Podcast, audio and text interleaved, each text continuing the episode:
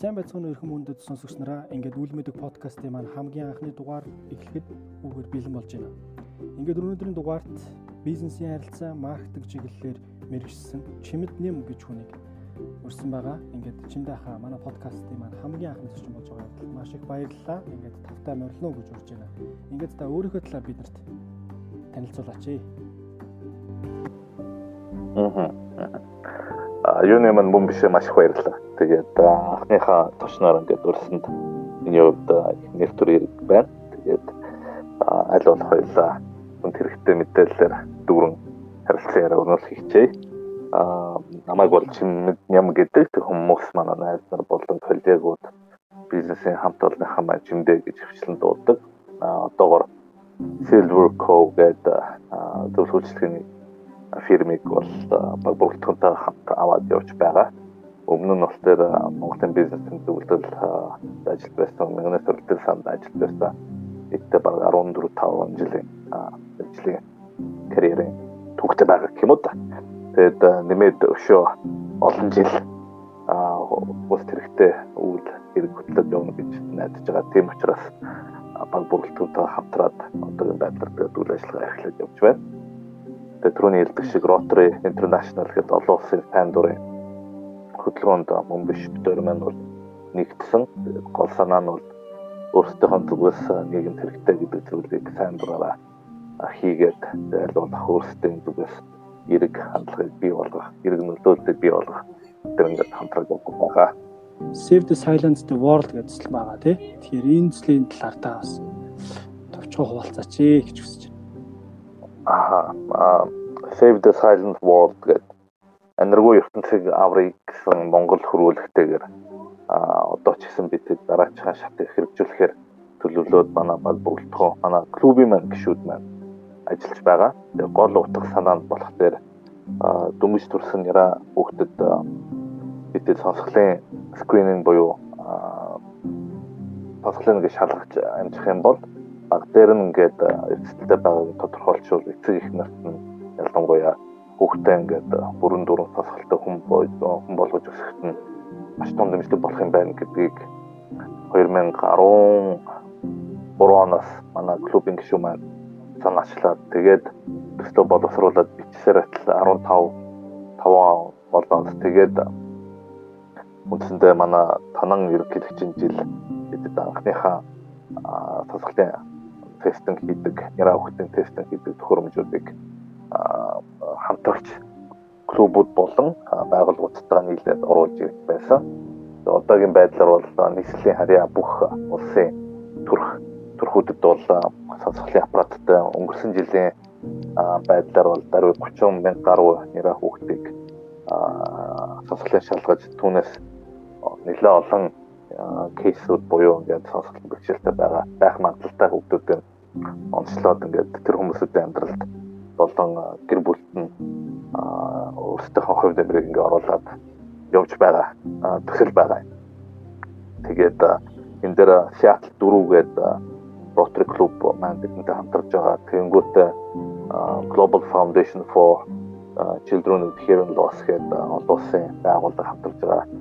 Түүний тэргүүн пэйж гэдэг бүсгүй байдаг. Тэр үнэхээр чэстлээсээ манай клубтай ингээд он одоо энэ хамтраад явж байгаа тэгээд нэлээд яг энэ сэдв дээр бол өөрийн бие сэтгэлээ ялангуяа яг мөнгө босгох тэрээр хэрэгжүүлэх тал дээр ингээд орцоод явдаг. Тэр хэрээрээ ч олон улсад ингээд амжилттай төслүүд хэрэгжүүлээд явж байгаа хүн байдаг. Тэгээд одоогийн байдлаар Seattle дөрөв болон хатагтай пэйж болон манай Rotary Улаанбаатар Peace Avenue клуб маань дараагийн шат руугаа ингээд орохоор сэтгэл ажлуудаа манай клубын түвшинд ч гэсэн хангаад байгаа. Тэгээ санаа маань болохоор энэ төслийн гол санаа маань утгаар манай Монгол иргэд маань хүүхдүүд маань ялангуяа дүнж төрж байгаа хүүхдүүд маань боломж олдоосоо ялангуяа эрт дээр хамгийн боломжтой эрт үед нь сургуулийн бэрхшээлт эсхийг нь тодорхойлж чадвал хүүхдийн тарих маань өөрөө ингээд авсан арга хэмжээнд нь уйлдуулангуудаа ингээд сонсголтыг нь аль болохыг хөгжүүлэх боломжийг ингээд тарих өөрөө бий болгоод явд юм байдаг. Тэгэхээр эрт байх тусмал маш их хэрэгтэй юм билээ. Илүү нөлөөтэй юм билээ. Тэгээд ийм л үндсэн зорилгоор энэ төслийг хэрэгжүүлээ. Тэгээд манай дотроо клубийнхан маань бол мөн биш маань энэ төслийн олон үе шатад ингээд хамтраад явсан байгаа. За маш их баярлалаа.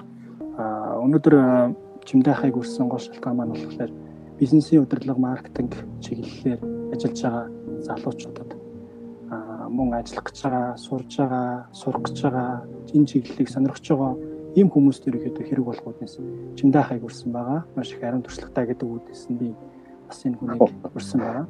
Баярлалаа, баярлалаа. За тэгээд таны мэрэгжил ер нь яг ямар мэрэгжилтэй билээ? Өөрийнхөө нөгөө нэг сурч төгссөн мэрэгжлээ бас бидэнтэй дэлгэрэнгүй ингээ хуваалцаач. Аа миний мэрэгжил маань бизнесийн удирдлагын менежмент аа тэгээ concentration in marketing and communication буюу гүнзгийрүүлсэн маркетинг болон харилцаа холбоо гэдгээр явж байгаа. Тэгээд тус мэрэгжлийг бол тэр Dickinson State University гэдэг Америк нэгдсэн улсын хойд Дакота мужийн Dickinson улсын сургуульд цаавар зэрэг хамгаалаад явсан байгаа. Тэгээд үндсэндээ энэ мэрэгжлийн гол онцлогтой чанар нь гэдэг юм уу зөвлөм нь болохоор яг л нэрэндээ таарсан буюу ингээд менежмент зохион байгуулалтын чиглэлээр илүү төсөөлөлтөй илүү бэлтгэгдсэн байдлаар ингээд төгссөн байгаа. Тэгээд энэ маань юу гэсэн үг вэ гэхлээр өнөөдөр бидний ертөнцид ялангуяа хувийн хвшлийн ертөнцид маш олон чиглэлээр янз бүрийн үйл ажиллагаа явагдаж тэр хэрэгэнд үйлчлэг болон бүтээгдэхүүнүүдийг бий болгож хүмүүст үнцэнтэй үнцнийг ингээ бий болгодог. Тэгэнгүүт тухайн үнцнийг бий болгох процесс маань өөрөө зохион байгуулалтанд орох шаардлагатай. Тэр хэрээрээ ингээд ялангуяа үнэ бууруулж ашгийг нэмэгдүүлэх юм уу, чанарыг нэмэгдүүлэх аа тэгээд өсөлтөнд нийгэм дотроо давж гарах төр боломжуудыг эрэлхийлэх аа тэгээд мэдээж клиентууд буюу харилцагч нартайгаа ингээд зохистой харилцаанд дунд байх гэмчлээ юм бол асуултуудыг аль болох том зургаар нь нэгдсэн байдлаар ингээд хариулахыг хичээсэн зүйл маань бизнесийн удирдлага гэдэг чиглэлийн боловсрал юм байна аа гэж би бол хөдөө боддог байгаа. Аа тэгээд энэ дундаас ер нь аха. Энэ дунд энэ дундаас болохоор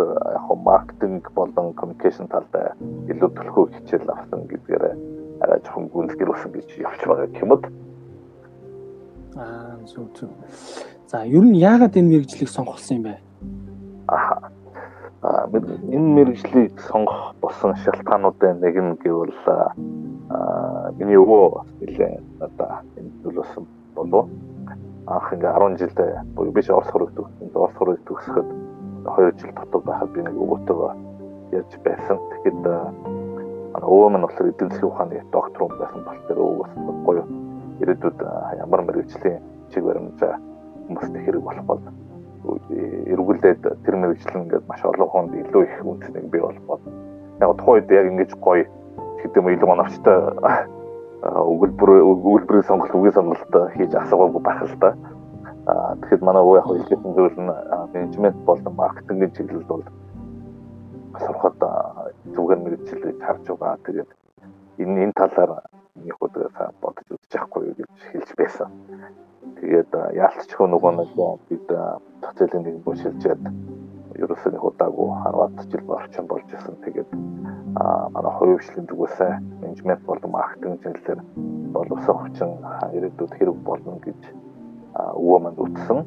Тэгээд тэр зөвлөгөөгийн дагаад би зэрэг судалгаа хийгээд үзэхэд бол альва нэг миг хийж бүтээх сонирхолтой хүмүүс миг зохион байгуулалтад оруулаад гацтаа багаараа илүү хийж олон хүнд хэрэг болох сонирхолтой байгаа хүмүүс бол бизнесийн удирдлага болон маркетингийн чиглэлийн мэргэжлүүдийг сонгох нь эсвэл сонирхож үзэх нь бол зүгээр юм байна гэж шийдсэн. Тэгээд тэр хэрээрээ үндсэндээ мэрэгчлээ сонгосон гэхүүд зөв зөв. Аа ер нь ингээд нөгөө нэг мэрэгжлээ за таны өвөө ингээд бас танд ингээд энэ чиглэлээр байвал зүгээр юм шүү гэн ботно.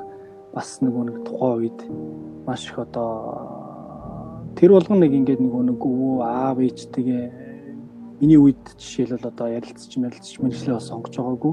Тэгэхээр таны хувьд бол ингээд яг ярилцаад эндээс за би ер нь маркетинг болох юм байна. Нэг мэрэгчлэр явал зүгээр юм шиг байна. Энэ хүн зүгээр чинийг ингээд бас хилцээгүй байх гэдэг энийг ингээд сонгосон гэдэг бол одоо маш том бас одоо боломж тухайн үед гарч ирсэн байна гэж бол би бодож байна л да. Тэгэхээр анх энэ мэрэгжлийг одоо тий сонгож байхад одоо танд ямар нэгэн юм төсөөлөл байсан одоо жишээлбэл мэдээж тэр сургууль руу аплай хийхэд бол тэр мэрэгжлэрээ сургуулаа хайж байгаа дээрээс нь сайт дээр мэдээж тэр нөгөө нэг ямар ямар хичээл үзэх үү гэдэг чиглэлүүд нь хүртэл бас байдаг тий. Тэгэхээр магадгүй за би нэг ийм юм болох юм байна да. Тэгэхээр ер нь бол одоо би эсээгээ хүртэл мэдээж тэрнтэйгээ жоохон уялдуулж битсэн баг. Тэгэхээр ер нь нэг ийм анхны төсөөл ер нь танд яг ямар төсөөл бас байсан байна. Аа өгнөөс нь эхлүүлэл бодож дээ. Тэгээд түрүүний хэлдэг шиг нөгөө яг л надад маш том тос болсон. Өөрөлдөх юм бол өвгийн зөвлөгөө маань одоо чиглэлийг гаргаж өгсөн гэвэл тэгээд уг нь өөрөө маркетинг гэдэг нэлээ гадны буюу англи үг нөгөөх нь бизнес гэдэг. Тэг яг тэрний ингээд харахаар бизнес гэдэг чинь одоо бизи гэдэг буюу ингээд загвуу гэдэг үг нь л нэг хэлбэр шүү дээ бизнес гэдэг нэг загвуу л гэсэн утгатай. маркетинг гэдэг нь маркет гэдэг бүр зүгээр л захтай маркетинг гэдэг захад нийлүүлэн гэсэн утга бүхий ингээд ойлголтууд тэр үед чинь бидэд бид бид ингээд англи хэл сурж байгаа чинь нөгөө гадаад сурна гэж найдаад явж байгаа хүмүүс чинь англи хэлээр дэвшлэх учраас тэр үгнээс нь илүү ихэлж жоохон ойлгож эхэлсэн гэхүү дээ. Тэгээд эндээс харсан зүйл нь ямар тач нэлээ ингээд хурдан хөдөлгөөнтэй үйл ажиллагаа ингээд хөгсөн өөрчлөгддөг юм орчинд ажиллах шаардлага гарах юм байна. Бизи гэдгээс нь бодсон зүйл маань. Маркет гэдэг зах гэдгээс нь харахад бол ямар тач ингээд арилжаа 8 8 чанартай юмд бол оролцоод альва зүйлийг ингээд борлуулж чаддаг юм чадвар бол эзэмших юм байна. Sales skills гэмэд бид ойлгоод тэр тэр чигээр нь л үндсэндээ бодож а тухайд эсэгээ бичсэн. Тэр маань бол дахиад л нөгөө бидэд нөгөө ярьдаг хамгийн дуртай түүх маань бол авчсан. Хосгол болоод бидэд зах зээлийн нийгэм рүү шилжээд авчсан тогтолцоог бий болохыг хичээж байгаа шинэ одоо нөгөө нэг үеийнхэн гэдгээр нь хэсэг эхлүүлтэл тэгэл энэ үед бол хувийн хвшлийн хөгжил хэрэгтэй. А тэр хувийн хвшлийн хөгжилд бол зохион байгуулалт бол одоо борлуулах чадрууд хэрэгтэй болно. Тэгээ тийм учраас энэ одоо чадруудыг эзэмших нь бол одоо Монгол улсын иргэн хүний хувьд миний хувьд бол одоо энэ тэргүүний асуудал байна гэдэг юм уу. Нэг тиймэрхүү утгаар л биччихсэн л да. Тэгэл одоо амар мундаг мундаг бизнесмен болсон гэж бодсон юм байх гэдэг. Тэгээ бас их э, сонирхолтой юм байна. Би ерөөсөө нөгөө нэг бизнес гэмготой бизи а маркетинг уу маркет гэж ерөөсөө тэгэж бол э, сонсож байгаагүй юм байна. Тийм танаас бас э, маш гоё зүйл сонслоо. Бас ер нь бол манай энэ чиглэлээр сурах гэж байгаа залуучууд байвал те эсвэл ажиллаж байгаа эсвэл энэ үгүрийг сонгох гэж байгаа бол ер нь бас нэг ийм үгийг бас бодоод авбал бас гэмгүй юм байна шүү. Ер нь үгэн дотор бас те их утга оршиж идэг юм байна гэдгийг л за ойлголоо л доо. За ер нь ингээд таны сонгосон мэрэгжил ямар ур чадварууд одоо нийт шаарддаг вэ? Хамгийн гол одоо шаарддаг ур чадвар юм бол яг юу вэ? Хамгийн нэн төргөнийх нь бол яг сэтгэл даах чадвар гэдэг зүйл юм билээ. Тэгээд харахад бизнесийн орчин маань тэр ихтгэлийн одоо суурин дээр ингээд өсөнд дэвж хөргөжих боломжууд нь олон улам нэмэгддэг хүн итгэж байгаа хүнтэйгээр үндсэндээ харал одоо наймаа болон бизнестэй ингээд их нөхцөл нь бүрддэг. Тэгэхээр ихтгэл даах чадвараа ингээд өөр төр байлгах нь энэ өөр мэрэгжлийн наадлагын энэ төргөний чанарыг байна гэж ойлгосон. Тэгэхээр хэрвээ хийнгээ хэлсэн бол зэрэг хийдэг тухайн цагт ингээд одоо тайлангаа өгнө гэж ярьсан бол тухайн цагтаа тайлангаа өгдөг. Гэрээ байгуулаад гэрээнийхээ цаг хугацааг тодорхойлсон бол тэрэндээ биелүүлдэг. Өглөөсөн үүргээ биелүүлдэг. А тиймэрхүү чанарууд одоо нийтргүүнийх хамгийн нийтргүүн.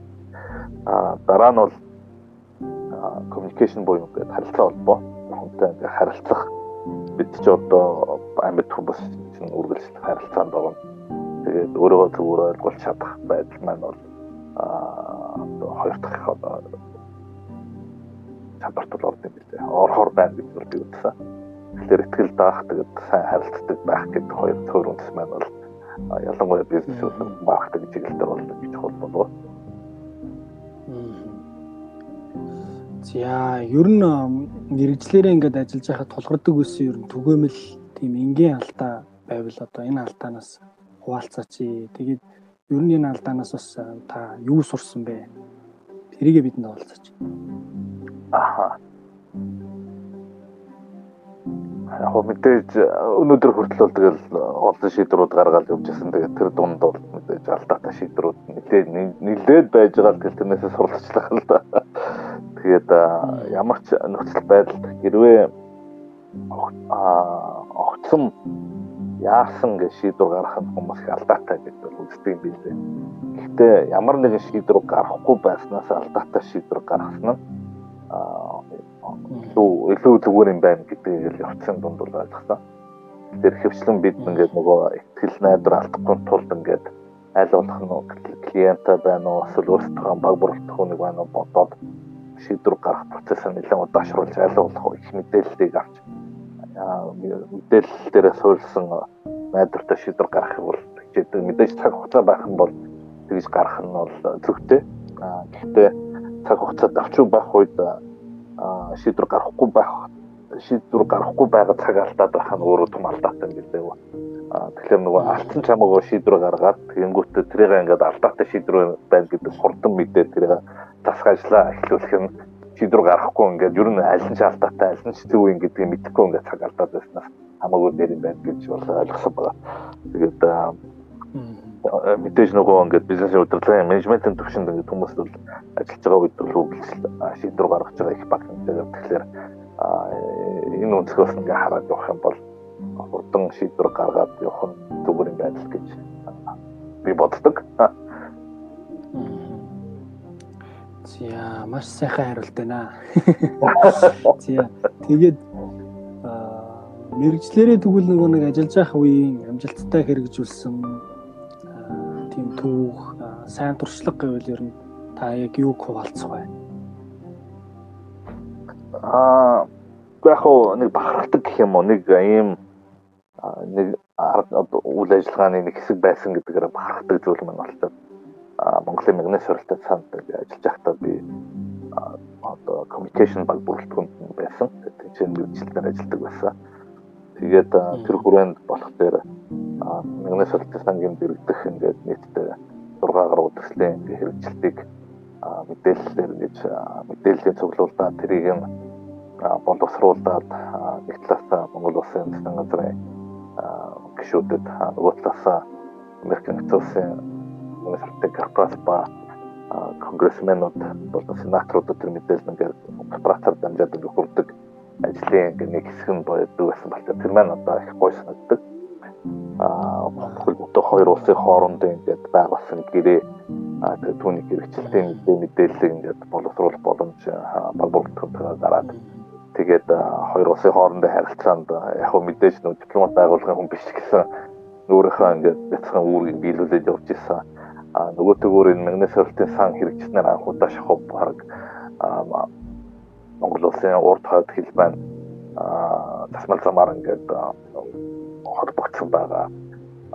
Хатны шахуу одоо бэлчээр менежментийн ингээд голлох төслүүд түн толбогдлоо ирсэн шийдлүүд ингээд батлагтахт нь ингээд төслийн нэг бүрэлдэхүүн ажиллаж явсан байдаг. А тэгээд сургуультай үйлчлэгээний төвд эмсүүд гэж яддаг да. Тэрний хөгжил, тэрний ингээд академик талын контентын хөгжил болоо тоног төхөөрөмжийн сайжруулалтын дээр ингээд төслүүд нэлээд явж байгаа. Манай одоо юу гэдэг Монгол улсын маань энэ тэргүүний салбаруудад хэрэгтэй гол гол асуудлууд төр нэлээд дөрөвтэй шийдлүүдийг хийгээд үр дүнгийн өгдсөн төсөл байсан болохоор ингээд тэрний нэг хэсэг байснаа би их бахархдаг. За та ер нь одоо энэ чиглэлээр одоо бас нилээдгүй олон жил ингээд ажиллаж глаа. А маш олон одоо олон улсын институт дээр бас ингээд ажилласан байна. Тэгэхээр ер нь карьераа та хэрхэн төлөвлөсөн бэ? Ер нь одоо төлөвлөдөг үү? Нэг юм хэдэн жилээр одоо би тийг ингэн шийдэг юм уу те? Ингэж ер нь төлөвлөдөг үү? тийм төлөвлөлт танд ер нь байсан уу? Нэг нэг үлэхэд бол бусад мундаг хүмүүсүүдийн хажууд эсвэл одоо гоё амжилттай явж байгаа хүмүүсийн хажууд бол их горлогдмоор л юм байсан л да. Анх сургуульд ороод яг өөрийгөө ирэх 5 жилд иймэр төсөөлж чинь гэдэг юм 10 жилийн дараа юм байна гэж нэг төсөөлөл бол үндсэндээ их муу байсан. Аа гэхдээ нөгөө төр нөгөө сургуулаа төгсөөд ялангуяа мундаг багш нар тэгээд зүүн зүүнний цагаараа боломжтой байх хоёр ингээд олон хүнтэй уулзаад тэднээс ингээд санаа бодлоо сонсоод болж игэл сайн дадлаг хийгээд тэгээ явж хахад ирэх нэг 10 жилийн суур төсөөллийг ингээд бүрдүүлэхэд бүрдүүлэх боломж ингээд гарсан гэх юм да. Тэгээ тэр үед л яг тухайд ингээд яг цаасан дээр бичиж нэг төлөвлөгөө өгч гисэн ямар тач их сургуульд төгсөөд их орондоо ирээд чадхаараа ингээд их орны хөгжлийн зарим ажлууд төслүүдэд ингээд орцож яваад тэгээд цаашдаа ингээд хувийн хвшилтэд илүү төлөхөө явах нь миний хувьд миний ингээд дотоод хөөхний хувьд бол их нийтх юм байна гэдгээр шийдвэр гаргасан гэх үү. Тэгэхээр энэ маань ингээд карьер гэх юм уу эсвэл мэрэгжлийн одоо ингээд шийдвэрүүдэд маань том гол жанжин шугамд болсон. Өөрөлдөх юм бол нэг бол одоо төрийн албан агч болох гэж явах юм уу эсвэл нэг бол хувьшилтай байх юм уу эсвэл яг яг яах гээд байгаа вэ гэдэг асуултанд сургуулаа төгсөөд ирэх үедээ нэлээд чиг ойлголттой болчиход ирсэн байсан.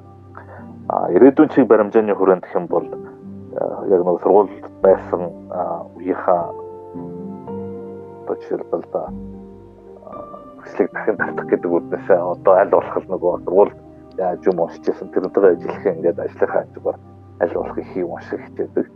Тэгээ цаг үеийнхэн тэр нэг ингээд уншлагаа сайн хийх юм бол нэг ядаж нэг ирээдүйн 2 3 жилдээ ямар ч чиг баримжаатай явбал цаг үеэс хоцорчихгүй хүн шиг араас ингээд тагаад явах уу. Тэгээд өөрийнхөө хөгжил болоод баг бүрэлдэхүүнийхээ хөгжлийг бас тэр дээр ингээд яаж мөр зэрэгцүүлээд явах уу гэдэг асуултанд илүү хариулахыг хичээдэг гэхүү дээ.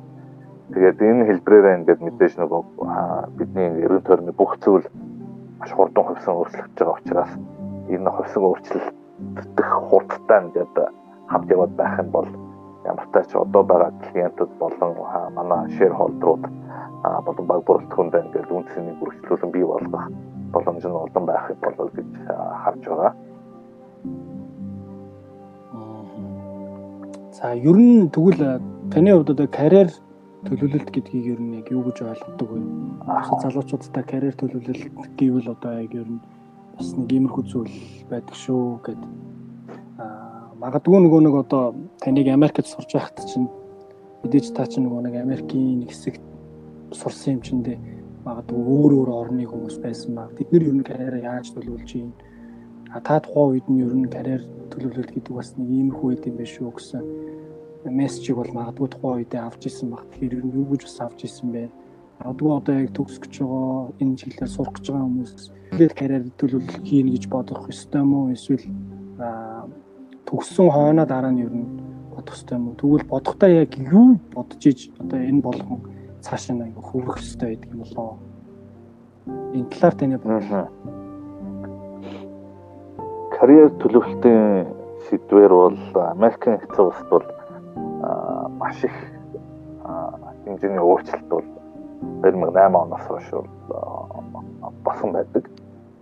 Өөрөөр хэлэх юм бол 20 дугаар зууны одоо дэлхийн 2 дугаар данаас хойш 2000-ад он хугацаанд болохоор карьер төлөвлөлт маань бол яг мэрэгчлээ сонгоод тэрнийхэн дагуу томоохон корпорац компани нэгжид оронгууд тэндээсээ ингээл доороос нь дээшээ ингээд явах боломж нь байдаг. Тэгэхээр тухайн хүмүүс маань сайн хөдөлмөр явах юм бол а захирал болон гүйцэтгэх хөдөлгөөний төвшөнд очиод тэгээд тэр хэрэг пенсээ гоё сайн батлуулаад тэгээ ингээд хүн бол хөдөлмөрийн үр чимэг хүртээд амьдрах боломжтой гэдэг юм үсэл баримтал нэлээд давмгаа байсан бол а 90-ад оноос ингээд хоёр блок маань социалист болон одоо барууны блок хоёр маань бараг шахуу нэгдээд нэг блок шахуу болоод тэр үеэр ингээд Японы чидэн засгийн хямрал үүсээд тэгэнгүүт араас нь 2008 онд дэлхийн эдийн засгийн юм бол том цагтуудын орж ирэнгүүт ямар ч хүн төчнээ сайн мэдлэлтэй байлаа гэд тухайн карьер нь усан дэвж боломжтой юм а гэдэг баталгаа нь бол хүмэгцэн гэхүүд. Тэгэхээр бүгд бол тэгж чадахгүй юм байна. Мастер зэрэгтэй хүн Макдоналдс ингээд бүргэр хийж байгаа жишээтэй KFC-д одоо дахиад шарж байгаа жишээтэй ч гэдэг юм уу те.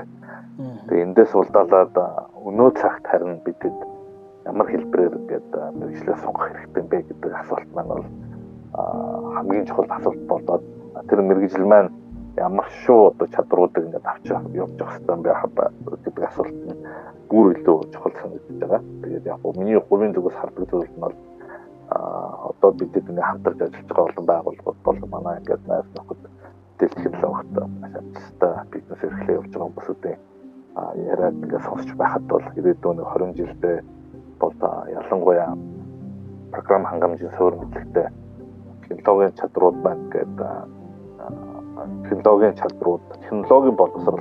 Тэр дундаа ингээд програм хангамжийн боловсрал маань сайн байх юм бол тэрээр ингээд бусад нарийн мэрэгчлэлтэй буюу ангаахва физик гэдэг юм бол тэрнтэй ингээд биологч гэдэг юм бол холбоод одоо жишээлбэл биотек гэдэг юм уу а инженеринг тех гэдэг юм ингээд илүү холбож ингээд явах юм бол хүмүүс маань хүүхдүүд маань ялангуяа шинэ боловсон хүч маань бол илүү боломжууд авах юм гэж харж байгаа. А гадны буюу ингээд бусад орны хүмүүсүүдийнх бол яг л цэвэр энэ эдийн засгийнхаа цаг хүрээнд хамарсан тэгээд тухайн орныхаа онцлог байдал ялангуяа уламжлалт болоо тухайн амын ийм онцлог талаас нь харж байгаа тоглолтуудаа хийдэг юм билээ. Тэгээд аа гол нь яг хүн болгоны нэг давтагдж байсан үзэл баримтлал нь бол нөгөө дуртай юмаа хийх гэдгээр л явж байсан.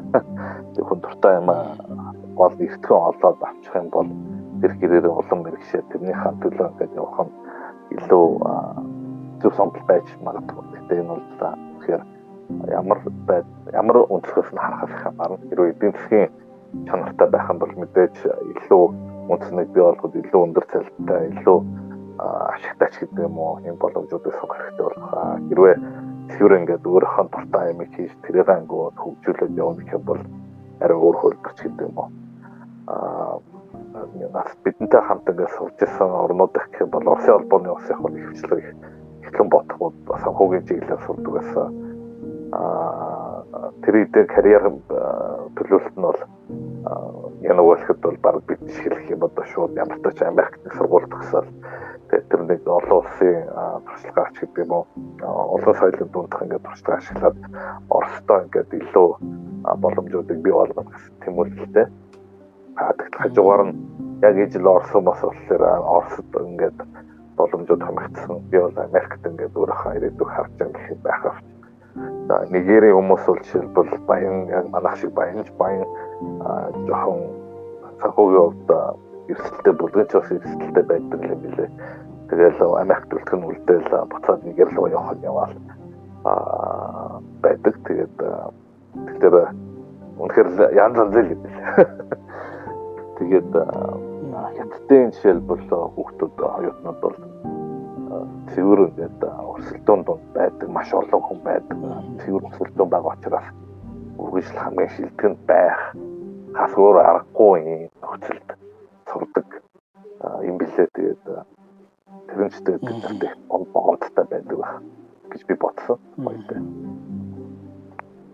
Тэр яг одоо нөгөө мэрэгжил сонголттой холбоотой магадгүй ингээд дунд төгсөж байгаа хүмүүс сонсвол аа нэгдүгээр юу дуртайгаа мэдэж авах нь нэг тэргүүн их. Тэгээ юу дуртай вэ гэдгийг мэдхэн тулд олон зүйлүүдийг ингээд хийж үзээд тэндээсээ таалагдах таалагдахгүйгаа ингээд сонгоод явах нь ирээдүйд хэрэгтэй болов.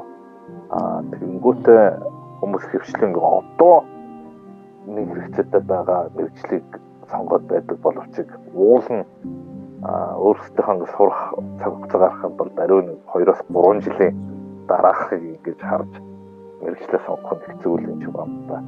Энэ тэгэхгүй бол нэг хэсэг аа одоо ингээл зөвхөн даацын техник техник техникийн одоо удирдлагын машинист гэдэг юм ингээд хэрэг болсон бол бүгдээрээ тэрэнд нь сурдаг шиг нэг уулуурхаа инженер гэлтэн бүгд уулуурхаа инженер болдог шиг юм уу. ингээд тэрнийг давлгаанд нь нэг бити автахыг бодорой. Тэгэхээр чи одоо бол нэг талаасаа нөгөө эдийн засгийн өнцгөөс нь харангуудаа шийдвэр гаргаж байгаа байдал шүү дээ. Тэгээд тэнгуут өөрөө ингээд чинь сураад төгсөөд дадлгажаад ирэхэд дараа түрүүний хэлдэг чинь 2-оос 3 дадлгаж жил нь 2 жил гэхлээр нэг 5 жилийн дараах Монгол улс байна уу эсвэл өөр улсад ингээд тэр бичлэр ажиллаж байна. Тэр нь улсынхаа ингээд 5 жилийн дараах нэг эдийн засгийн тоон байдлыг магадгүй эдийн засгчдад гаргасан судалгаа болон тэгээд нийтлэл зүйлийг уншиж чаад шийдвэр гаргаад тэгээд сонгуул зүгээр гэж магадгүй. Тэгэхээр аа нөгөө нь бол мэдээж дуртай сонгол дуртай юм олж аваад мэдээж сонголтныхаа дагуу гэсэн үг л дээ. Аа одоо манад нэг ийм ойлголт байгаа гэдэг чинь тий. Одоо альбом тушаалаас дэшинэ архив карьер төлөвлөлт гэж ойлгоод байгаа.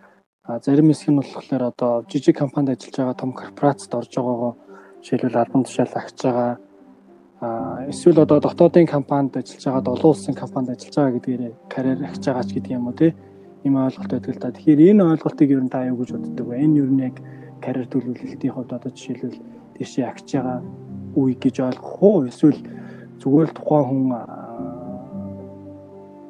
одоо өөрийнхөө нөгөө бодож байгаагаар дээшээ агч байгаа гэж бодож байгаа тэр бодлын болов ер нь яг энэ тал дээр та юу гэж бодож байна?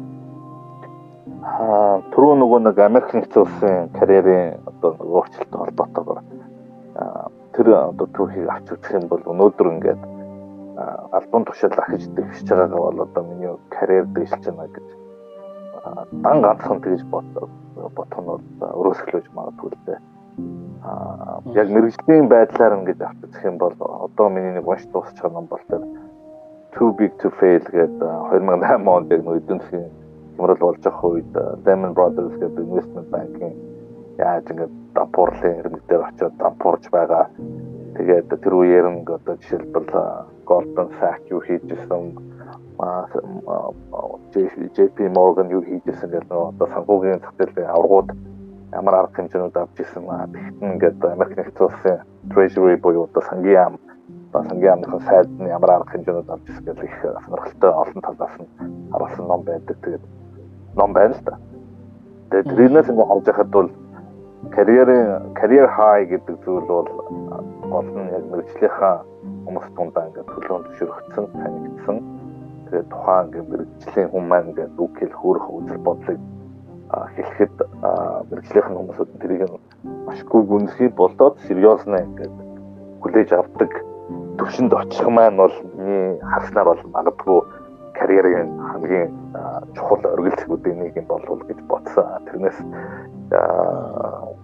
дан ганцхан одоо ингээд мэрэгчлэн байж гад юу гэдэг хэлц дарга болоод захирал болоод дарагч гэдэг юм уу эсвэл департаментын захирал болоод дараа нь ингээд гүйцэтгэх хөтөлбөр рүү ороод ингээд яв. Явна бол мэдээж тэр бол прогресс буюу ахиж ахиж дэвшил бол байж байгаа. Гэтэ эргүүлээд нөгөө тэгж дэвшил гаргаад давхар яг тухайн одоо бизнес удирдлагын менежментийн юу гэдэг мэрэгчлүүдийн дундаа ингээд нэр хүндтэй болоод мэрэгжлийнхэн байдлаараа ингээд найдвартай ялангуяа тий байдлаараа ингээд төлөв ширхтсэн байна гэдэг нь бол цэвэр карьерийн бол хамгийн чухал одоо тэгшил гэж харж байна л да. Тэгэхээр хүн одоо нөгөө нэг албан тушаалын нэрээр зөв албан тушаалын нэрний төлөөч гэдэг юм гүйцэтгэх захиралч гэдэг ба. Тийм болох болно. Тэр маань бол миний карьер өсөн дэвжсэн гэж бодох нь бол буруу л болов. Аа тэр маань үргэлж араасаа ингээд нөгөө хариуцлага дагуулж явж байгаа учраас тэгэл тэр хариуцлагыг ингээд үүрэх чадвар бусдад хүлээмжшөрөгдсөн байдал тэр хэрэг ингээд ихтгэл найдвартай байдал гэх мэт ингээд олон факторууд карьерийн төвшөлд нөлөөлөх багтаа. Аа нэг хоёулаа нэг ярилцж байхад болохоор та ингэж хэлсэн шүү дээ нөгөө нэг карьер төлөвлөлт гэдэг ингүүд нөгөө нэг дээшээ ахих гэхээс илүүтэйгээр нөгөө мэрэгших гэдгийг бас карьер төлөвлөлт гэж бас ойлгож болох юм аа гэдэг. Яг шууд нөгөө нэг дээшээ ахих гэхээс илүүтэйгээр мэрэгших нь тэр одоо тухайн яг мэрэгжилдээ мэрэгших тэр одоо хэсгийг л ерөнхийдөө бас тэгж хэлээд байгаа юм болов уу гэд та бас нэг хэлжсэн санагдаад байна л да. Тэгэхээр ер нь бас ер нь тэгж ойлгож болох уу? Тий, нөгөө түрүүний олон факторууд нөлөөлнө гэдэг шиг тэгээд бусдад төлөөлшөөрөхийн тулд нөгөө мэрэгжлийнхээ хүрээнд хамаагүй гүнзгий мэрэгчсэн ядаглаа нөгөө ирээдүйн чиг баримж байгаа ингээд гадалдаг болцсон. Тэгээд бидний хүрээнд зөв шийдвэрүүд гаргадаг болцсон гэх мэтлээ зүйлүүд орно шүү дээ. Тэгэхээр бол мэрэгших нь бол гарцаагүй хамгийн чухал зүйлүүд нэг. Аа одоо жишээлбэл ингээ нөгөө нэг тухайн за магадгүй нөгөө нэг яг мэрэгчлэрээ төгсчөнгөтэй мэрэгчлэрээ ажиллахгүй хүмүүс одоо манай Монголын хэмжээнд ялангуяа их баг шүү дээ. Яг төгссөн мэрэгчлэрээ ажилдггүй шал ондоо юм хийдэг. Яагаад тэргүүр сураад төгссөн юм бэ гэхээр үгүй тухайн үед диплом л хэрэгтэй байсан болохоос урчлаач гэдэг юм уу тий. Эсвэл ер нь бол миний сонирхолгүй манай аав ээжийн шаардлага байсан юм гэдэг юм уу. Эсвэл тухайн үед юу сонгохоо мэдэхгүйсэн болохоос сонгоцсон юм гэдэг юм уу тий. А тэгсэн хэрнээ өөр чиглэлээр ажиллаж байгаа гэдний тэр чиглэлээр ингээд мэрэгшээд явж байгаа. Хүмүүс маань болохоор ер нь карьер бас ингээд дахиад явж байгаа дэвшлээд явж байгаа гэж ойлгож ер нь бас болох уу? Өөрийнхөө төгссөн мэрэгжлэр биш. А одоо яг ажиллаж байгаа чиглэлээр гэсэн үг те. Илүү мэрэгшээд тэрэндээ бүр дуртай тэрийг ингээд хийгээд улам ингээд нөгөө лавшруулад одоо нөгөө нэг гүн гүнзгий мэдээлэл мэдлэгтэй мэдлэг мэдээллийг өөртөө хоримтлуулж байгаа тийм хүмүүсийг бас карьераа хийж явж байгаа гэж юу үзэх үү? Аа ямар ч тач нөгөө сонирхолгүй мэрэгжлийн дипломыг авлаа гэдэг хямдрал дуусахгүй шүү дээ тий. Тэгэхээр өөртөө тэгэл дургуйч гэсэн дургуйч гэсэн ажиллаж үзээд сонирхолтой болж магадгүй. Гэтэл угаасаа ингээд сонирхолтой юм чи ингээд өөр юм турш үзээд өөрийнхөө дуртай амиг олдоод тэрнийхээ хүрээнд ингээ мэрэгшээд эхэлсэн хүмүүс бол ялцчихгүй хоёлоо түрүүний яддаг шиг салбарын хүрээнд ингээл диплом шүргтөд ирэх тусам тэр хүнд бол диплом гэхээс илүү туршлага гэдэг зүйлс нь ялангуяа манай Монгол улсын хувийн орчинд ажиллах тэр нэг чадварч гэдэг юм уу? Төгөлөн шүргтөд ирж байгаа үед бол мэдээж карьерийн хувьд бол дэвшил болоод ахиж шүү дээ тэр маань. Тэгэхээр нөгөө бүгдээрээ нөгөө карьер гэдэг үгнийхээ томьёоны ингээд ойлголтыг бүгд яг аль өнцгөөс нь яаж харах зүг юм бэ гэдэг асуулт да. Тэгээд миний өнцгөөс харахад бол ямар нэгэн мэрэгжлийн ялангуяа одоо ингээд мэрэгжлийн байдал гэдэг маань бол бид одоо өөрсдөө хийж чадах зүйлээ үнэлээд өөрийнхөө цагийг ингээд үнэлээд тэргүүрээ ингээд цалин аваад явах зүйлийг л одоо мэрэгжлийн байдал гэдэг ба шүү дээ. Тэгээд аа карьер гэдэг маань бол тэр мэрэгжлийн байдлаараа ингээд хаттай байх тэр хэрээрээ ингээд салбартаа тодорхой хэмжээний байх суртаа болох тэр хэрээрээ илүү их үр нөлөөлөл болон хүнээс хамаарат эрэг нөлөөлөл сөргөн нөлөөлөл үзүүлэх байдлыг л тэрний процесс шиг л хэлэх юм болов гэж бодлоо л доо. Тэгээд Тэнгүүт хичнээн диплом өөртөө ч өөр байлаа гэд өөр мэрэгчлэх байлаа гэд а өөрөөр өөр одоо мэрэгчлэх сонгодог тэн дээр ингээд практик байдлаар мэрэгшээ тэр ингээд салбартаа түрүүний хэлдэг шиг амжилттай төлөвлөж явж байгаа юм бол тэгэл карьер хийж л гэсэн үг дээ. Зөвшөөрөгдөд гэсэн үг тий. За тэгвэл та одоо ингээд өөрийнхөө карьерийнхаа туршлага өөх төгс ингээд хуваалцаач. Ер нь анх ингээд мэдээж э, сурж явах үед би тэний нэг нэг CV-г харахаар сурж явах үедээ яг нөгөө нэг ажлын гараагаа бас интерншипээр эхэлж исэн гэж харж исэн бохоггүй. Тэгэхээр тэрнээсээ өсвөлээд ингээд та хуваалцаач ер нь ямар ямар одоо газруудад ямар ямар албан тушаал бас ингээд хашиж яг ингээд одоогийн Silver Co гэдэг тий компаниг байгуулваа. Энэ хүртэл явсан одоо замлаасаа ингээд хуваалцаач ил гэдэг юм л да. Одоо тэр маань хүмүүст хэр сонирхолтой байхад бол да нэг амар онцгой гойд юм бол байгаагүй. Тэгээд ямар тач Theodore Roosevelt Medora Foundation гэдэг газар анх ингээд internship хийж эхлэв. Тэгэл тэрний цаад санаа нь бол мэдээж нөгөө турж байгаа нэг сургуулийн шаардлага дадлага хийх. Нөгөө талаас бүр маань цалинтай дадлага байсан болохоор төлбөрөө олох боломж тэгэл гуравт нь тэгээд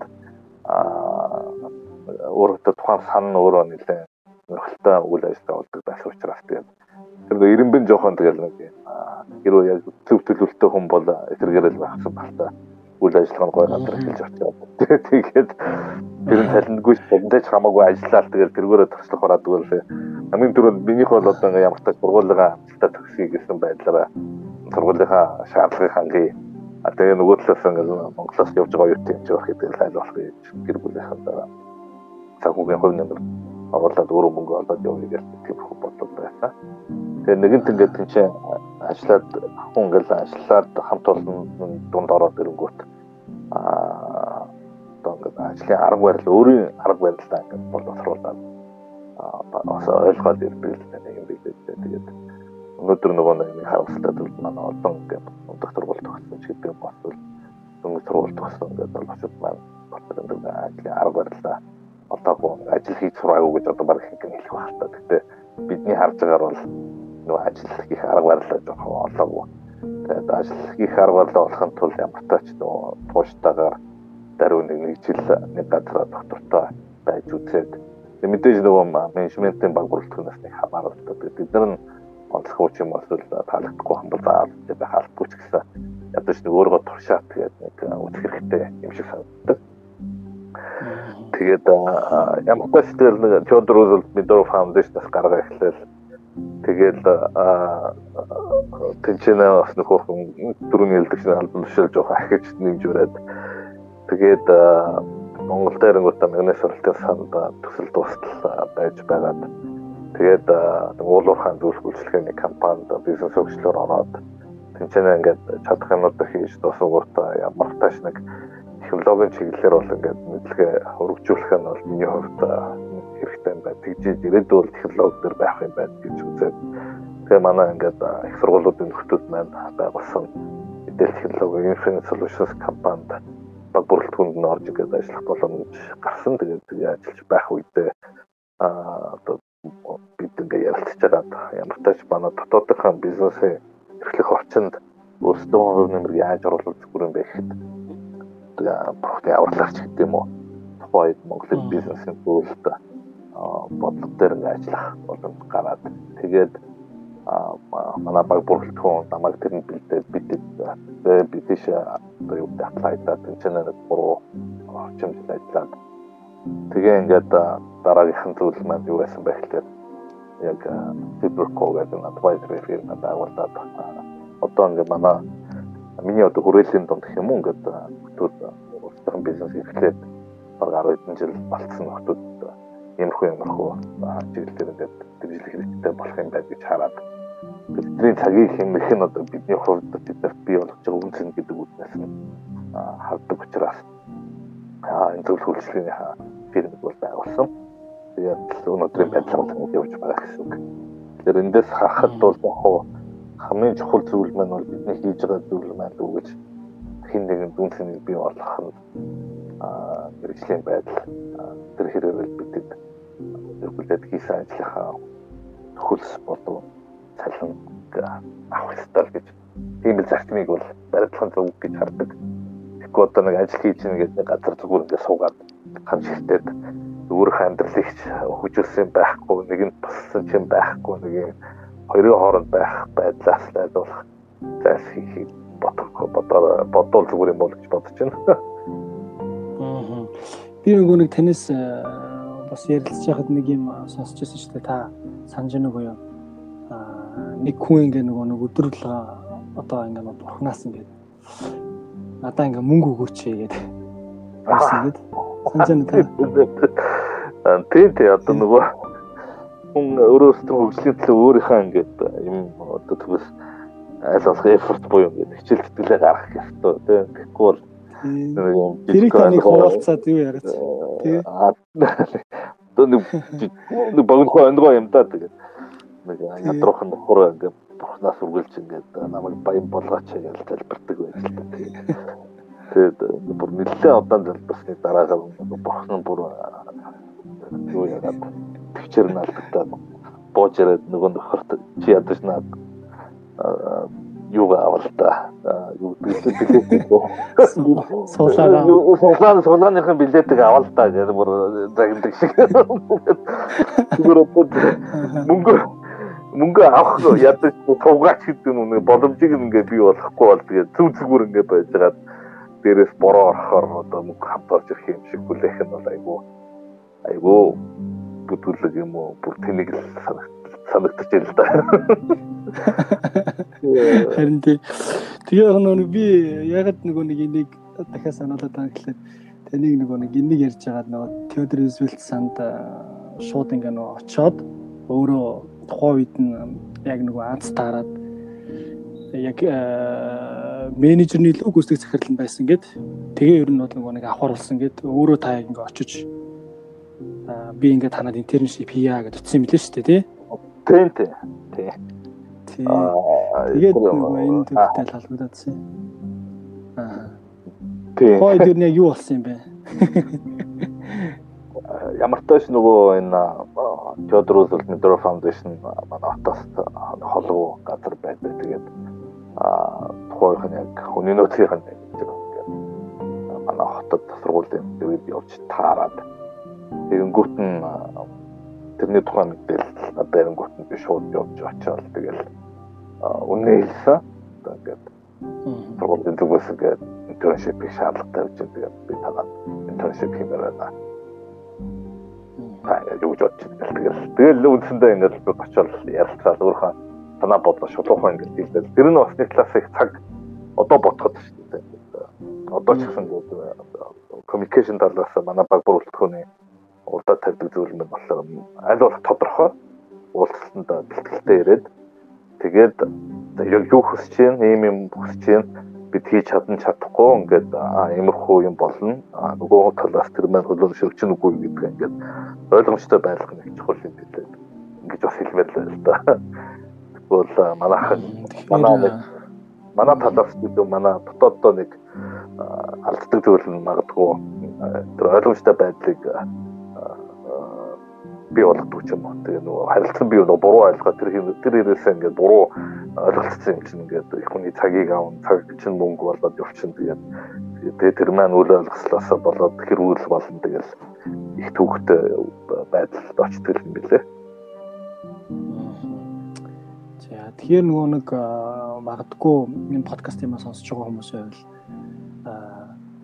одоо бодоод ингээд суугаад авах шүү дээ би энэ тэнцэх болов тэнцэхгүй болов эсвэл би одоо очиод уулзангууд намаа хүлээж авахгүй болов би ер нь юм хийж чадах юм болов чадахгүй болов гэж ботгоос илүүтэйгээр шууд очиод ерөөсөө өөрийгөө танилцуулаад үнэхээр тэр орон зайчин байвал yes гэх юм байна а байхгүй бол мэдээж нөө гэдэг хариулт хэлнэ. Гэхдээ нөө гэлээгээд бол тэрэнд шантрах хэрэггүй харин дахиад магадгүй өөрийгөө бэлтжиж ч юм уу бэлдээд ч юм уу магадгүй өөр маш олон тэр салбарт ажиллаж байгаа компаниуд байгаа юм чинь тэндээс дахиж сонгоод төлөвлөгөө гаргаад магадгүй очиж уулзаад би уулзахдаа юу нь ярьсан болоод намайг нөө гэж үү те эсвэл yes гэж үү гэдгээ ингээд эргэж бодож эргэцүүлээрээ гэж бас хэлмээр юм шиг санагдаж байна. Яагаад гэвэл маш зоригтойгоор очиж нөгөө нэг өөрийгөө илэрхийлж те би энд ингээд ажилламаар байна гэсэн учраас магадгүй бас энэ чимдаахыг тухай бас авч исэн болов гэсэн бодол надад төрж ийн л доо.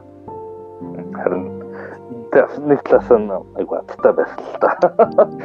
Аа одоо бодхны би интершип хиймээр гэж хэлээс өмнө хэлээл нөгөө нөхдүүдээс л асуух хэрэгтэй байсан юм бол та бүхэнд би яаж туслахаар тий. Аа яаж илүү ингээд мандрын үйл ажиллагааг дэмжмээр юм бэ гэдэг. Хэрвээ ямар нэгэн байдлаар одоо ингээд байгууллага дотор үнцэнтэй байх юм бол тухайн байгууллага хийж байгаа эрхэлж байгаа үйл ажиллагаа болон бий болгож байгаа үнцэнд аль нэг шатнд байх учраас тэгэхээр тэр талаас нь бодож очиж ярилцвал илүү үр дүнтэй байж магадгүй гэж бодлоо л доо сая. Тэгэхээр нөгөө яриагаа эхлэнгүүтэл би гэж эхлэх орно гэл. Та нар би туслах боломж байна уу гэлтэй. Хүмүүс ч ингээд аль болох юм тусламж авах хүсэлгүй хүн гэж байдаг баха. Дургу асаж гэсэн дотроо хөрх гэдэг л хүн л хань багтай байх хүсвэл баг бүрэлдэхүүнтэй. За тэгвэл ер нь одоо энэ чиглэлээр сурах гэж байгаа, сурч байгаа одоо магадгүй нөгөө нэг дөнгөж ажлын гараагаа эхэлж гисэн явж байгаа залуучуудад хандаж ер нь ямар зөвлөгөө өгөх вэ? Энэ салбарт энэ мэрэгжлийн чиглэлээр ажиллаж байгаа бол бас нэг ийм зүйлүүд дээр анхаарал зүгээр идэв шүү. Анхнаасаа энийг ер нь бас бодох хэрэгтэй байдیں шүү. Тэгэхгүй бол бас нэг ингэж байдаг талтай ирээдүйн ер нь шиг хандлага бас ийшээ явж байгаа шүү гэдэг зөвлөвөл ер нь та ямар зөвлөгөө өгөх вэ? Аа түрүүний хэлдэг шиг найдвартай байдал буюу ингээд найдвартай байдал маань өөрөө мэрэгжлийн байдал гэдэг л баг синоним буюу ижил утгатай шахбал үгэлтэй. Тэгэхээр ингээд найдвартай байх их чухал байна. Англиар reliable, dependable ингээд янз бүрээр үгэл хэлж байна. Тэгээ найдвартай байдал маань ямар өөр хэлбэрээр илэрх вэ гэхээр өгөгдсөн даалгаврыг болон байж болох бүх юмыг л одоо ингээд тайлбарлах чадхын дээр хичээгээл нэг тодорхой үр дүнд хүрээл ард нь гарах те гараас юм гаргах гэдэг юм. Ийм хүзүүлүүдийг давхар хэлж байгаа болов. Тэгээд мэдээж нөгөө нэг гурж байгаа манай оюутан залуус байвал зөвлөлтийн мэрэгчлэн 30 байгаа хүмүүс байх юм бол аа ямар тааш нөгөө нэг нэг англи хэл хэлтэй байх. Англи хэл ядаж байх хэрэгтэй. Ирээдүйн чиг баримжаар цөмнөд Азийн бүс рүү ингээд засгийн хүндийн засаг ингээд шилжиж явах үед бол англи хэл дээр нэг магадгүй хятад хэл угаасаа л маань аа дэлхийн хоёр дахь засаг утгагүй нэг болох магадлал нь өндөр байгаа юм үед бол тэр ихтэй бид нар ингээд бизнес их тэр хүмүүстэй л ингээд харилцах учраас харилцаа ингээд орчуулгаар явах юм бол тэр магадлал тэр хэрээрээ хэцүү яагаад гэхээр яг өөрийнхөө характераа буюу өөрийнхөө контентыг ингээд хотод шууд ойлгуулж чадахгүй байна. Заавал ингээд өөрхөнөө дамжуулж ингээд хүргэнэ гэдэг бол ингээд том барьер бий болгодог. Тэгэхээр хаана ямар хүмүүстэй бизнес хийх төсөөлөл тэрнтэйгээ уялдуулсан илийг нь сураад өөрөө шууд эднэртэй ингээд харилцдаг байх юм бол аа маш том даваа тал гэх үү. Тэгээд тэгээд давхар бас програм хангамжийн IT-ийн чиглэлийн хөгжил бол сар хурдан гэдэг өөрсөж байгаа. Энэ үед бол бидэд аль болох нөгөө мэдээлэлтэй ойрхон хааш илүү чиглэж үргэлжлэл одоо сонор сэрэмжтэй гэдэг шиг мэдээлэл авч байх нь чухал. Тэр мэдээллүүд маань харамсалтай нь одоогийн байдлаар хамгийн хурдан гарч байгаа бол англи хэл дээр гарч ирдэг. Тэгэл араас магадгүй хятад тэгэл явах байх л та. нөгөө гэдэг юм тэгэл Япон тэргээл явах бол технологи маш хурд өвчөж байгаа орнуудаас хамаарна. Тэгэхээр тэгээ нөө мэдээлэлтэй ойрхон байхын тулд ингээд мэдээлэлтэй ойрхон байх хэрэгтэй. Хилээ сурах хэрэгтэй. Найдвартай байдал маш чухал. Тэгээд тэгээ нөө саний хэлсэн зүйлүүд маань өөрөө ингээд яг бизнес communication ингээд суурь болоод ирж байгаа гэсэн үг л дээ. Аа бизнес communication харилцаа холбоо маань тэгээд би нэр итгэх би нэг зүг ойлгох Тэгэл цаг үетэйгээ байна уу гэдэг ийм олон асуудалтуудаас энэ гурав нь бол мэдээж чухал байх болов. Тэгээд нөгөө альва нэгэн ажлыг хийх хандлага маань бол дараа нь ингээд ороод ирдэг юм байна. Хандлага бидэнд бол их чухал санагддаг. Бидэнд гэдэг нь бол манай бүрэлдэхүүн болоод одоо боломж гараад ажилласан маш олон ундаг хүмүүст энэ гэдэг тэр хүмүүсийг сонсож байхад бол хандлага юм хийчихсэн хандлагатай байгаа хүмүүсүүд бол өөрөө өөрөө боловсруулаад сурчдаг. Илүү ингээд сэтгэж юм хийхийг оролддог шинэлэг арга барилыг нэвтрүүлэх хичээдэг ч гэдэг юм ингээд юм хандлага нэг чухал. Тэгэхгүй ингээд би мундаг гэж бодоод ирэх юм бол тэгээд жоохон хэцүү байх болоо. Аа зя. Ер нь одоо манайхны нийтлэг нэг ингээ нөгөө ойлголтолоор маркетинг гэдэг ингээ шууд борлуулалт гэдэг хэлдэг шүү дээ. Аа энэ тал дээр ер нь та яг юу гэж боддөг вэ? Маркетинг ер нь яг борлуулалт гэсэн үг юм уу? Маркетинг борлуулалт гэдэг юу ингээд яг хоршиж явах хэрэгтэй юм уу? Ер нь яг энэ ойлголт одоо нийгэмд ойлгож байгаа манайгийн манай нөхцөл байдалд бол одоо маркетинг гэдэг ингүүд ямар ч зүйл ерөөсөө маркетинг хэрэгтэй юм байна. Тухайн үед бол одоо нэг 5 6 жилийн өмнө бол маркетингийн гууд нэг хүн нэг хектар тэгж нэг мөнгө зардаггүй. За цэцрэн яг зүгээр нь телевизээр гаргаж ивэл одоо болно гэдэг юмгууд ингээд технологи хөгжихийн хэрээр маркетинг гэдэг бол ингээд маш олон одоо бүр ингээд нарийн нарийн болж эхэлж шүү дээ.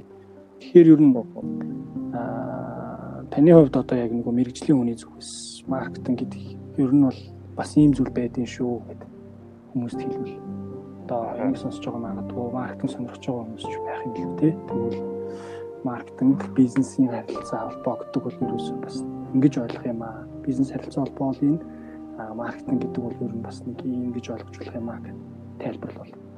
Юу юу тайлбарлах байна яг түгээмэл бидний дотоод байгаа алдаа гэх юм бол маркетинг гэхлээр засварчлага тэгээд зөвхөн засварчлага тэгмүүдээ борлуулалт гэдэг хардаг л да. Тэгээд хоо бизнестэй холбоотой зүгээр энэ нэг бол бидний ингээд бидэнтэй холбоотой бүх хэл зүйл дээр борлуулалтын буюу sales person-ы чадвар бол аа маш чухал. Ямар нэг байдлаар бидэд үнс нь бий болгож лах юм бол нь бий болгоод тэр нь ингээд бүтээгдэхүүн маань үйлчлэгээр илэрчлэх юм бол тэр ямар нэг хэлбэрээр бидэд ингээд борлуулах шаардлага. Тэгээд борлуулж ижил тэр маань ингээд эргээгээд мөнгө хэлбэрээр ингээд бидний даасан нэг орж ирэх орж ирэх шүү дээ. Аа тэнгүүт манай их сургуулийн маркетинг профессор маань хэлжсэн зүйл нь болохоор тэр маркетинг ингээд машины ингээд эдэ ингээд авч үзэх юм бол аа тасмал замтраа ингээд нийлдэг дугууны хаамар гэдгээр бол хэлжсэн Тэгээ мотор, бензин энэ нь бол ингээл бараа бүтээгдэхүүн боловсруулах дээр ингээл хөгжүүлэх энэ төр гэлтэй. Аккумулятор энэ нь одоо юу гэдэг тарих барих гэж гэдэг юм ингээл ийм ингээл байждаг менежмент гэдэг. Өрөөл нь бол одоо удирдлагатай ингээл сонх нь бол тэрийг ингээл хямждаг юм. Гэхдээ ингээд дугуй авахгүй бол машин ч урагшаа явахгүй гэдэг. Хэлсэн тэгээд тэгээд тэрийг би ингээд үргэлж боддог бодож байтал бол үнэхээр маркетинг гэдэг бид нэг айгу маркетинг доторгоо маш олон дисциплинуудыг бид ингээд хэсэгчлэн авангуудаа тэрээр нэр томооны хувьд холонгоотой маркетинг гэж хэлээд байна л та. Тэгээд түрүүний хоёул явж исэн үгнээс нь ингээд авч үзэх юм бол ингээд маркет буюу зах зах маркетинг гэх одоо захад нийлүүлэх тэнгуут захад нийлүүлэх буюу аливаа нэг зах зээл дээр бараа бүтээгдэхүүн нийлүүлэх тэр процесстэй уялдаа бүх юм бүхэл одоо дисциплинуудын хэсэгт ингээд орж байна. Өөрөөр хэлбэл судалгаа нь орж ирж байгаа. Ямар хүнд бараа бүтээгдэхүүн таалагдах нийлэх одоо ямар үнээр зарагдах уу гэх мэт ингээд маш олон судалгаанууд. Тэгэд энэ энийг ингээд зөв өгдөр хүмүүст яаж хүргэх үү гэдгээр за салцлага ингэж яваад хөргөх хүргээд тэгээд нөгөө орлуулах буюу ингээд хаана ингээд байршуулах уу тэгээд үнийг энэ төрөний судалгаан дээр ингээд суурьж тавиад тэнгүүтээ ингээд ийм олон юмнууд ингээд бий болгож явах зураа гэж ингээд доктортой бизнес явахын тулд мэдээж ингээд нэг юм нэгдмэл төсөөллийг дотоод баг борлуулалтуудад бий болгоно борлуулагч худалдаагч нартай ингээд бий болгоно энэ хэрээр ингээд байгуулахын дараас нь магадгүй соёл ингээд боловсроод явцдаг. Тэгээд тэр бараа бүтээгдэхүүн маань болон үйлчилгээ маань ямар чанартаагаас хамаарат бүр ингээд нийгмийн зан үйлд нөлөөлөх хэмжээний бүр нөлөөлөлтэй гэдгийг бид мартаж болохгүй. Маш сайн маркетинг хийдэг хүмүүс бол нийгэмд үзүүлэх нөлөөлөл нь тэр хэрээр л байхаар байдаг юм билээ л дээ. Тэгээд сонирхолтой нэг факт хэлэхэд 1930-аад оны үед 20-ад оны үечлүүдээ De Beer гэдэг алмаз шитгэний ингээд компани судалгаа хийсэн чинь сүйт авахд хөвчлэн гэр бүлүүдээ гэр бүлүүд ингээд юу ашигладаг байсан бэ гэхээр уламжлалтын бүгжийг ашигладаг байж тээ ээжээс ч юм эмээгээс ингээд асуу өвлөгдөж ирсэн бүгдийг ингээд зүд бүсгүүд өгдөг. Тэрнийх нь шигтгэн болохоор хөвчлэн одоо тухайн одоо гэр бүлтэй уйлдаа бүх ямар ч алмаас шигтгэе байх магадлал баг 20% нь л алмаас шигтгэе байдаг байсан. Тэнгүүт нөгөөд бол ингээд энэ зан үйлийг өөрчлөхөд тул өөрсдөө борлуулалтыг нэмэгдүүлэхэд тулд маркетинг компанид үйл ажиллагаа явуулаад тэр нь ингээд Америк нэгдсэн улс ингээд бүр зан үйлийг өөрчлөлтөлнө гэж яваа. Тэр нь ингээд хвчлэн Холливуудаараа дамжаад одоо юу гэдэг Diamond Diamond Forever тийм учраас одоо хайр сэтгэл бол таймандаар илэрхийлэгдэх учиртай ч гэдэг юм. Тэгээ ингээд Джеймс Бонд ингээд одоо ингээд үг хэлхүүд нь орж ирэл. Тэгэл хөвчлэн тэгээ нөгөө мундаг харж явдаг ингээд инфлюенсер маркетинг хөтөдөг үргэлж даймонд гэж үзүүлээ бариулаад. Тэгээд энэ процесс ингээд явсаар байтал 2000 оны ихээр 2010 оны үед бол дахиад нөгөө деберхэн судалгаа хийж үзэхэд бол яг эсрэгээр 80% жишээл төсөөд авах бол diamond бүгж өгнө 20% нь болохоор тэгээд нэг уламжлалт тэгээд нэг бигээс авсан. Аа Тэгээ энийг нь юутай уялдуулж харсан гэхээр одоо хайр сэтгэл гэдэг нэг том яг та нар яаж төсөөлж байгаа гэдэг үзэнгүүт цэвэр ингээд кино минанаас төсөөлөх магадлал их өндөртэй юм байна. Жишээлбэл. Ромео Жюльет зохиол байна, Шекспир хаадаг. Одоо өөр одоо ямар кинод байдаг. Одоо бидний мэдэх бол ингээд ноутбукээс ахуулаад тий. Дикаприо гэдэг тоглолт нэг ингээд Ромео Жюльетийн хэлбэр байдаг. Тэр мөрөнд тэргээд кинотын хувьд бол ягаад гэхээр маш их бидний мэдээллийг авах ялангуяа entertainment чанарын бодвол ингээд киноноос авч эхэлсэн болохоор тэр маань ингээд бидний цаан үйлчлүүлэлтүүд байл гэсэн үг л дээ. Тэгэхээр ухаандаа хэрэг уламжлал чанараа бид авах юм бол магадгүй ингээд гэр бүлээс нь өвдөн үйлдэлсэн бүгжийг бидэд Эсвэл уламжлалаад авах бол бовшаа тэгэл очил ихнэрийг хулгайлдаг л байна. Аа бүр ингээд бүр бүр одоо эртний уламжлалаад авах юм бол шүү дээ. Одоо дуусах юм уу? Араа ингээд орчин цаг руу орж ирээд бид ч ингээд очиод ингээд гойдог болсон. Гэр гоох яслахаа одоо уламжлалт гоё юм авч үзэх юм бол тэгээд бэлэгшилт бариад бүгд зэнтерхээсээ бэлэгшилт бариад ингээд цаахан ерөөл төвшүүлээд тэгээд бивнээ таних юм аа дагуулах ажлуудыг хийгээд би явах жишээ гэх юм уу. Тэгэхээр одоо бол хүүхдүүд хүүхдүүд яг одоо бидний үеийнх нь бол ямар ч тач сүд тавихтаа ингээл ихнэрээс ихнэр болох хүнээс гарын гойдог шүү тэгээс нэг бүгжигддэг. Би урт нэг ихнэр гараг гохтой ингээл нэг жижиг бүгж өгсөн дээр тэрний хашигдах юм аа. Хоо дээр мал мал байгаа гэж мал мал гэж да. За тэгээд э, за энэ болохоор сүүлийн асуулт маань. Аа. За сүүлийн асуулт болохоор юу вэ гэхлээр илүү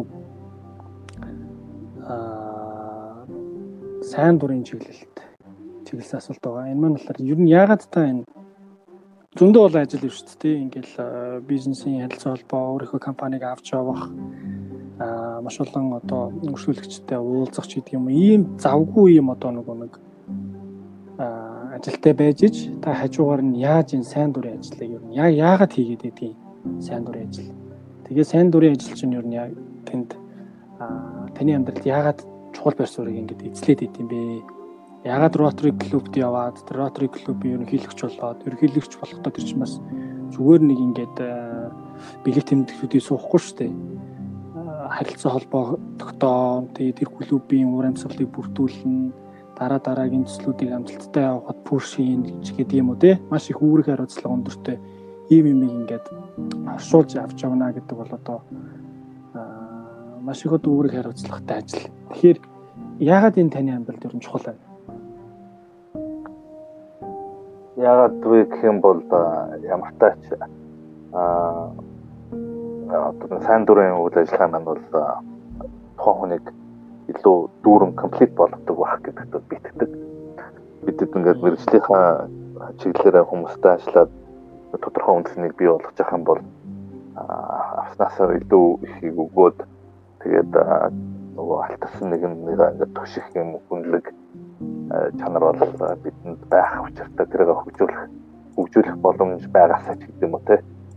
Тэгээд хөгжүүлнэ гэдэг нь тэгэл шууд ингээд гудамжинд гараад бүдэнд нь ингээд туслаад байх юм уу? Эсвэл нэг тодорхой хэмжээний ингээд зохион байгуулалтаа алсаар хатаагаар илүү ингээд нэг юм олон хүнд шууд туслах боломжуудыг бий болгосон орон зайд ингээд орох уу гэдэг юм асуултанд тодорхой төсний шийдвэр гаргадаг юм да. Тэгээд яг хөө тийм учраас нэг ротори орсон шалтгаан нь болохоор мэдээж ингээд хүн болгонд бидэд ингээд нэг бүрчлэн уулзаад туслаад байж чадахгүй учраас одоо нөгөө тэлсэн нэг нэг туших тэр боломжоор бүх хүн болоод байж чадахгүй учраас ядаж суур шалтгаантай ингээд асуудлыг шийдэх чиглэлээр ингээд хамтраад хамтраад нэгдээд явж байгаа хүмүүсүүдийн нэг хэсэг болоод явах нь илүү үр дүнтэй байна гэж бодсон.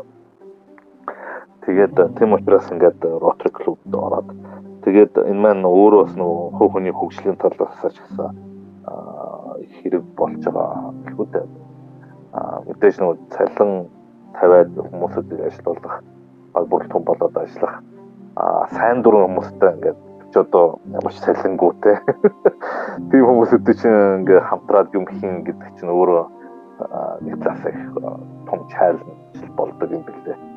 Тэгээд тэрийг ингээд одоо нэг арга барил ингээд олох замнал маань гэдэг өөрөглөх юм бол миний хувьд их том шагнал басан гэхэд тэгээд түрүүний асуулт нь яагаад ингээд сайн дурын ажил бидний хувьд их чухал бэ гэхлээр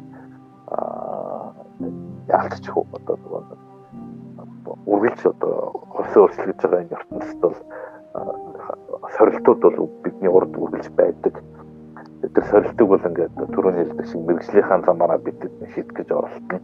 А гэхдээ ингээд сайн дураараа эвлэлт нэгдээд өөрсдөх иргэнийхэн үүргийг нэг талаасаа биелүүлээд өнөөдөр бидний иргэнийхэн үүргийг биелүүлэх маргааш манай улсын ирээдүйг тодорхойлно гэдэг Барак Обама их гоё хэлсэн байдаг. Тэгээд тийм учраас тэр сайн дурын иргэнийхэн үүргийг биелүүлэх процесс маань их чухал гэж би бол хардаг л да. За тэгвэл одоо жоохон задлаад нөгөө нэг хүмүүстэй түрүү нөгөө нэг нэвтрүүлэг дугаар маань эхлэхдээ ч гэсэндээ ерөөсөө Rotary Retract гэдэг зүйл яриад эхэлсэн тий. Тэгэхээр Rotary гэж юу нэг ямар байгууллага юм бэ? Rotary International одоо онд үсэн байгуулагдсан одоо товчхон хуваалцвал аа бас яг та товч ингэ танилцуулаач Rotary. Rotary International маань бол одоо 100 гаруй 120 лөө жил гаруй түүхтэй. Тэгээд Paul Harris гэдэг хуульч нөхөр анх үүсгэн байгуулсан байдаг Chicago хотод. Тэгээд тэгээд хоо мань хүн ингээд үүсгэн байгуулж авах үед нь бол дэлхийн нэгдүгээр даймаа болоод тэгээд ялангуяа ингээд дайны эсэлтэй юмнууд их байсан. Тэгээд нөх хуулч учраас маш олон хүн ингээд клиенттэй тэр клиент болгонтой уулзаад энийг талаар нэг юм хийж болох юм болов гэдэг ийм сэтэл санааг хөгжүүлээд тэгээ нөр rotary гэдэг үгчээр rotation буюу ингээд эргэлдэх буюу ингээд тийм утгатай учраас анх уулзалтаа ингээд зөвхөн нэг клиент дээр биш ингээд ээлжиж хинэг нэг офс дээр очиж ингээд уулздаг баснаас хойш тэгэл rotary гэдэг бол эхэлсэн юм билээ.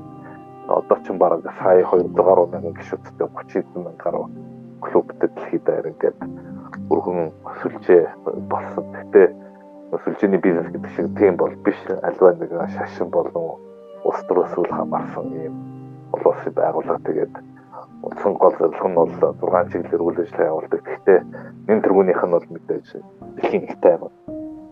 Тэгээд олон улсын ротary гишүүд хоорондоо ингээд мэдээ мэдээлэл солилцоод ивэн нийгэмд нь дааш болж байгаа юм асуудлыг хамтдаа ингээд шийдэх процесс маань бол ингээд их тайвныг бэхжүүлэх цөөр үндэс болно гэдэг үзэл байдаг гэж миний зүгээс ойлгодог байгаа. Яг мэдээж энийг ингээд тайлбар хэм болгоны хөөр Rotary International дээр бүр өөр та. Тэгээд тэгээд тэгэхээр нөгөө нэг их тайван их тайван байдал маань энэ болоход хамгийн чухал зүйл дээ. Ингээд юм тайван байж бидэд эрүү саруул болоод юмыг хөгжүүлээд юмыг илүү develop болгоод байх боломж хамаагүй. Тэгэхгүй ингээд өнөө маргааштай амьд үлдэх тухайга ботсон юм. Байн дажин өмнө самон дунд бол юу хүсэлтэх тийм. Ч одоо амьд жоох ирэх нь өөрөө асуудалтай болоод ирсэн үед бол. Юу эрэг нэрэг импакт үзүүлэх юм. Наадах хэрэгтэй байгаа бодсон шүү дээ. Тэгэхээр иймэрхүү одоо гол мөн чанарын асуудлууд надад их сэтгэл байна. Тэгээд тэр үснээс зүгээр офрог гişүү болоод. Тэр нөр тракт нь болохоор арай нөгөө залуу юм уу одоо дүнж сургууль баг сургуулиуд төгсөөд явж байгаа ингээд залуу гişнүүд дээр илүү төлөвлөсөн байдаг. Ротри нь болохоор нэг жоохон нэгдлэр ажиллаад нэг а тогтцсон байгаа хүмүүс байх магадлал өндөртэй. Гэтэ зөвлөө үед бол Rotary International зүгээс барьж байгаа байдал нь бол Rotary Rotary нэг хангалтаас илүүтэй тэгээд ямар тач нэг үйл ажиллагаанд нэгдэвхтэй оролцоод тэгээ нөгөө 6 чиглэлийн хүрээнд төслүүдэд ингээ оролцоод нийгэмдээ аа тодорхой ингээд эрэг өөрчлөлтүүдийг авч явах дээр төвлөрч ил гэдэг юм санаа явд юм лээ. Аа За маш их баярлалаа. Тэгээд яг хоо миний хувьд нөгөө Ротракт клубт нь явдаг. Тэгээд Ротаригийн одоо хамгийн том хийсэн зүйл нөгөө поли буюу саа өвчин одоо 99.9 устгаж чадсан одоо ийм одоо том ажлыг хийсэн гэдгээрээ дэлхийд их алдартай байдаг юм элэ. А ер нь бол нөгөө поли өвчин буюу саа өвчин ерөөсөө байхгүй болгох гэдэг ерөөсөө зорилгыг эхэлснээсээ өксүүлэл ер нь бол хийсэн гэж би ойлгосон. Тэгэхээр маш том зорилгын хүрээнд ингээд яг эвлэлтэнд нэгдсэн тэр нийгэмдээ ингээд асуудал байна гэдэг ингээд зүгээр суугаад ах биш. Харин асуудал ийм шийдэл байна гэдэг ингээд хийж чадах тэр нэгдэл залуучуудын нэгдэл юм болов уу гэж би бас бодож явдаг. За тэрнийхээ хувьд Ратгат клубт бас явдаг байгаа. Тэгэхээр магадгүй нөгөө сайн дурын ажил би юу яагаад хийх ёстой гэж гэдэг бодол бас зарим хүмүүс байж магадгүй тий. Тэгвэл ер нь та юу гэж ер нь зөвлөх вэ? Сайн дурын ажил ер нь бол бас нэг юм ийм буруу ашигттай байд юм байна гэд та өөрийнхөө өөр дээрээ жишээлбэл одоо гарсан өөрчлөлтөөсөө эсвэл өөр дээрээ ер нь бол мэдэрсэн мэдрэмжүүдээсээ хаваалцвал нэг ийм буруу зүйл байна гэд. Энэ дөрвөн энэ дөрвөнд бол нэг юм ижил өнөт зүйлтэй хүмүүсүүд олддог юм билээ. Сайн дурын ажил хийгээ явахаар өөрөө ингээд ижил төстэй сайн дурын ажил хийх сонирхолтой хүмүүстэй уулзаад тэр хүмүүсүүд маань ижилхэн өнөт зүйлтэй байх магадлал илүү өндөртэй буюу жишээлбэл түрүүний миний дурддаг халтарсан юмыг туших юм хүн чанар байх чухал тэгэхээр тиймэрхүү одоо чанартай хүмүүс өнөт зүйлтэй хүмүүс байсан манай клубд бол одоо байгаа тэгээд ижил үнэт зүйлтэй хүнтэйгээ уулзах хүмүүстэй уулзах юм болно. Аа нөгөө талаас үргэлж одоо ингээд хөдөлгөөнөө үнэлээд ингээд баруун салхаагаараа юм аймаалцах одоо бизнес ч нэг жоохон тэр талтай байдаг. Дандаа тэгээд очиод нэг өөрийнхөө дотоод нэг юм сүнсээ алдчихсан юм шиг байхаас урчлан сэргэлдэг зүйл нь өөрийнхөө цагийг гаргаад бидэнд хамгийн үнэтэй зүйл бол цаг шүү дээ. Тэгээд цаг бол төвтөхгүй учраас тэр цагийг гаргаад ингээд өөрөө нэг ингээд өөрөөсөө илүү даваад цөөргө бодохгүй байх юм. Үйл баримтлал ингээд бий болгож байгаа хөө. Хоёрт нь бол тэр байгаа.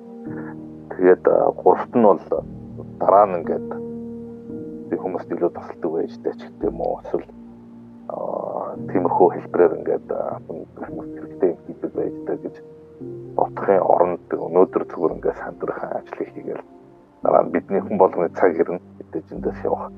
Тэгээ магадгүй ингээд эргүүлээд өөрийнхөө бүтээсэн зүйлээ ингээд харах юм бол нэгт карьерийн үүднээс энэ найдвартай ихтгэл даасан байгаад аа сайн дурын талаасаа ингээд чадхаараа бидэнд ингээд боломж олгогдсон үед нь өөрийнхөө цагийг гаргаад нэг том хэсэг нэг том одоо үеийн маш мундаг үеийн нэг хэсэг болоод явсан байх юм бол адаглал бидний одоо бидэнд олгогдсон тэр нэг хугацаанд бид өөрсдөө чадах хэмжээнд л маш их хүн байж амьдсан одоо утга учиртай байсан байд гэж бот болол гэж итгэдэг. Тэгээд ийм л одоо гурван л сайн дурын үйл ажиллагааг би бол хардаг байна. За магадгүй одоо нэг сайн дурын ажил хийхгээ сонирхож байгаа ийм залуучууд байвал те Rotary бас сонирхоорой, Rotractic бас сонирхоорой.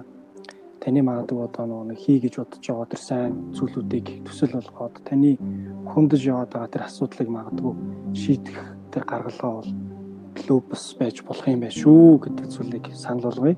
А тэгээд энэ дугаарынхаа нөгөө төсөөд болохоор би нэг зүйлийг бас нөгөө нэг гаргаж ирэй гэж бодод байгаа.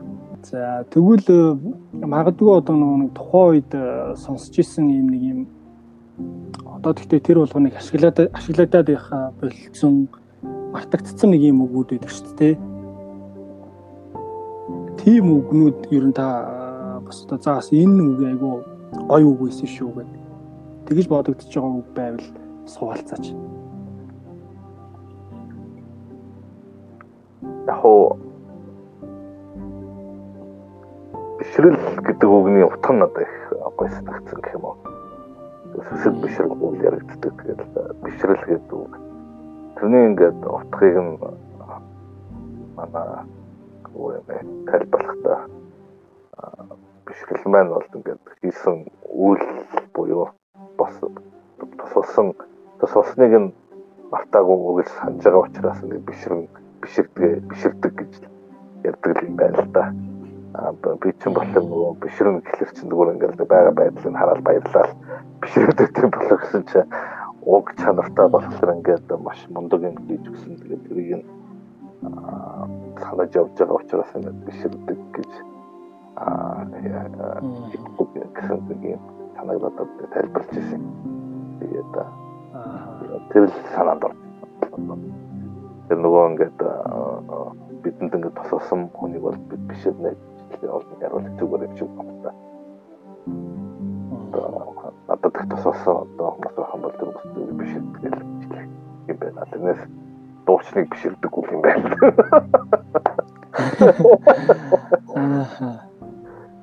Зүг зүг зүг зүг.